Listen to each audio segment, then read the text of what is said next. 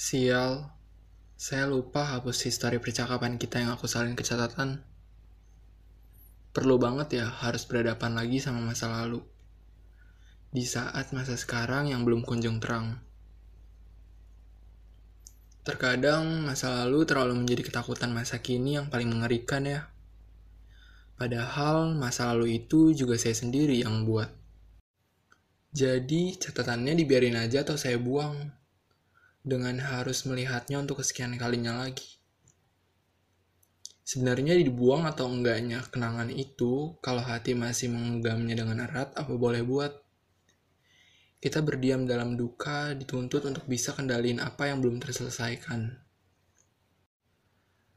Kalau kenangan udah nyatu sama pikiran setiap hari, setiap detik, setiap jam, itu jadi ujian lebih sih yang harusnya kita udah dapat yang lebih baik untuk menggantikannya, juga udah lupa karena pengganti ini lebih baik dari sebelumnya.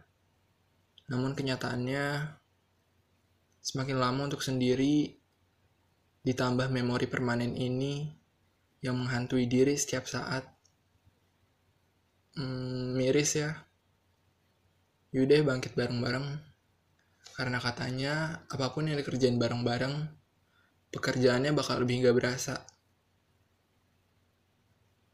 Cukup sulit ya menjadi manusia. Ya, biar bagaimanapun itu semua adalah proses. Proses yang terus terang saya sendiri pun belum sanggup buat nyelesainnya. Namun proses itu gak selamanya bisa berjalan lancar. Kamu harus siap sedia. Kamu harus siap sedia kapan pun saat proses itu mengalami kendala. Ya, dinikmatin aja sih. Gak ada salahnya buat jadi salah. Karena salah itu masih memberikan kita kesempatan untuk menjadi benar. Dan lihat dong garis finish aja belum kelihatan sejauh ini. Gunain hati sebaik mungkin. Karena sekali rusak mungkin mengobatinya butuh banyak waktu. Yang tentu akan memperburuk kamu. Jujur rasa yang memendam sampai saat ini tuh udah menjadi kebiasaan. Kebiasaan bodoh yang entah bagaimana cara menghentikannya. Mungkin bisa, tapi gak gampang. Dan tetap harus berusaha. Jangan sampai menjadi fatal.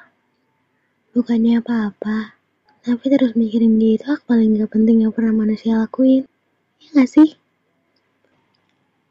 Sekalipun dia udah bikin kamu naksir, kalau kamu juga nggak berusaha buat apa dong?